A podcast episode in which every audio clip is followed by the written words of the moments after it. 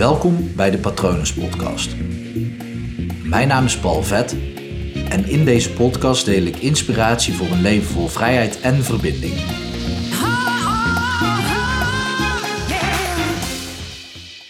Als je spannende dingen angstig benadert, groeit je angst. Ik was vroeger voor 2012 helemaal afgesloten van mijn gevoel. En dat, dat is nadelig, want je kan je alleen maar gelukkig voelen. Maar één ding was wel heel fijn. Ik durfde meer. Althans, ik was me minder bewust van de angstige emoties die ik ervoer. Dus ik vond het makkelijker om spannende dingen te doen. En daar heb ik het niet zozeer over uit een vliegtuig springen of in achtbanen gaan of ehm, slangen of vogelspinnen om me heen hangen of om mijn hand hebben. Dat is sowieso een slecht idee. Maar ik bedoel meer dingen die, ja, die je spannend zou vinden om te doen. Bijvoorbeeld, simpel voorbeeld is op iemand afstappen. En of dat, of dat, dat nou iemand was, uh, vroeger een meisje voor mij, of een uh, zakelijk persoon. Dat ik denk, ja, als ik op die persoon afstap, dan zou ik wel eens een zakelijke deal met diegene kunnen sluiten. En ik moet eerlijk zeggen dat vanaf het moment dat ik emoties ben gaan ervaren, sinds 2012, vind ik dat een stuk spannender. En het grappige is dat ik daarin ook wel een verschil heb gemerkt in op wat voor manier ik mensen benader. Overigens, mocht je willen weten hoe dat precies zit met het uh, geen emoties ervaren en wel ervaren van emoties, check even de aflevering over dankbaar zijn voor je ouders. Daarin leg ik dat helemaal uit.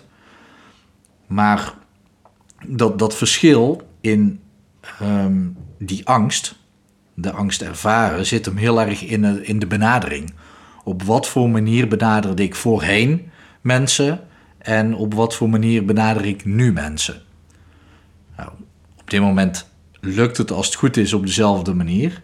Maar het grote verschil zit hem in uh, op het moment als ik me angstig voel, als ik iets spannend vind om iemand te benaderen, ik krijg soms ook nog steeds wel eens knikkende knieën van een mooie vrouw. Maar op het moment als ik op diegene afstap en die gewoon een hand geef en gewoon duidelijk uh, spreek en gewoon mijn focus heb op: oké, ik voel me zeker en dit ga ik doen, dan voelt dat veel anders dan wanneer ik die angst soort van toelaat en me ook nog eens angstig ga gedragen. Dus dat ik Um, het zijn twee verschillende dingen. Angst ervaren voor hetgeen je moet doen en angst ervaren in hoe je het doet. Klinkt misschien een beetje abstract.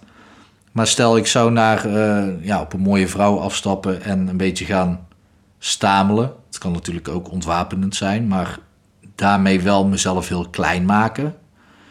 Dan weet ik zeker dat, uh, dat de angst me ook uitbreekt. Dat ik klamme handjes krijg en dat soort dingen. Zelfs terwijl ik dit nu aan het vertellen ben, merk ik dat ik zelf ook kleiner word. Ik, ik krimp soort van in elkaar. Misschien dat ik daarom iets harder in de microfoon praat, omdat ik gewoon dichter bij de microfoon kom. Maar dat is natuurlijk anders dan wanneer ik gewoon vol open en direct naar iemand toestap en zeg: Hoi, ik ben Paul. En um, dit is misschien een, een gek voorbeeld, want dat, dit zullen niet de dingen zijn waar je zomaar angstig voor bent. Al kan dat natuurlijk wel geloof me, op het moment als je het gewoon op de manier aanpakt zoals ik net, uh, net deed, gewoon zeggen: Hallo, dit ben ik. Dan, dan is die angst natuurlijk niet zomaar weg. Maar de manier waarop je het doet, versterkt de angst niet. Dus je angst groeit er niet door.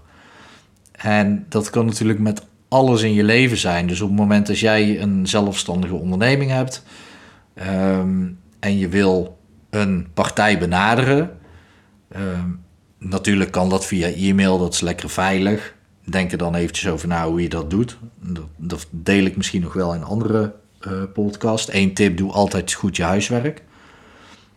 Maar op het moment dat je dus op iemand afstapt, dan vooral zakelijk gezien, heeft het gewoon veel meer nut om gewoon sterk te zijn en gewoon.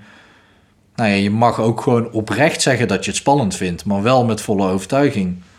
Hoi, mijn naam is Paul. En ik vind het spannend om je te benaderen, maar ik dacht, ik doe het toch, want dit en dit en dit. Dat klinkt heel anders dan eromheen draaien. Dan hi, Ja, hoi, uh, ik ben, uh, ik ben uh, mijn naam is Paul en ja, ik, ik, ik heb ook een bedrijfje. Er zit nogal een groot verschil tussen die twee. Dus sinds ik die emoties ervaar, heb ik daar meer moeite mee, omdat ik gewoon voel dat ik soms dingen spannend vind. Maar ik pas deze techniek toe en ik moet eerlijk zeggen dat het gewoon heel erg helpt in Ehm, sowieso in het resultaat, maar ook in hoe ik me voel op het moment als ik dus uh, richting die angst beweeg. Er is nog een tweede stap voor nodig. Tijdens een Nepal-reis die ik organiseer, uh, oefenen we hiermee. Uh, zo, zowel met het benaderen van de angst als ook iets anders. Dat andere, dat deel ik nog een andere keer wel. Uh, met je. Ik zal mijn best doen om daar deze week ook een aflevering over op te nemen en uiteraard een artikel te schrijven. Deze podcastafleveringen die je hoort um, op jouw favoriete podcastkanaal. Um, ik schrijf er meestal ook een artikel over op mijn website, paulvet.com, uh, en op mijn Instagram pagina. En mocht je het leuk vinden, uh, ik vind het sowieso leuk om van je te horen, dan kan je altijd via Instagram even met me meepraten. Gewoon even zoeken op Paul Vet, dan vind je me wel. En anders, als je het spannend vindt, um, benader me dan direct en duidelijk via e-mail, gewoon lekker anoniem, uh, op patrones.paulvet.com. Ik, uh, ja, het lijkt me leuk om van je te horen um, of dat dit effect heeft gehad en wat voor effect dit heeft gehad om je angst op een duidelijke manier gewoon recht toe, recht aan te benaderen. In plaats van er angstig om te blijven doen. Ben benieuwd. Let me know. Ik hoop dat alles goed met je gaat. En ik wens je een mooie dag toe. Bye.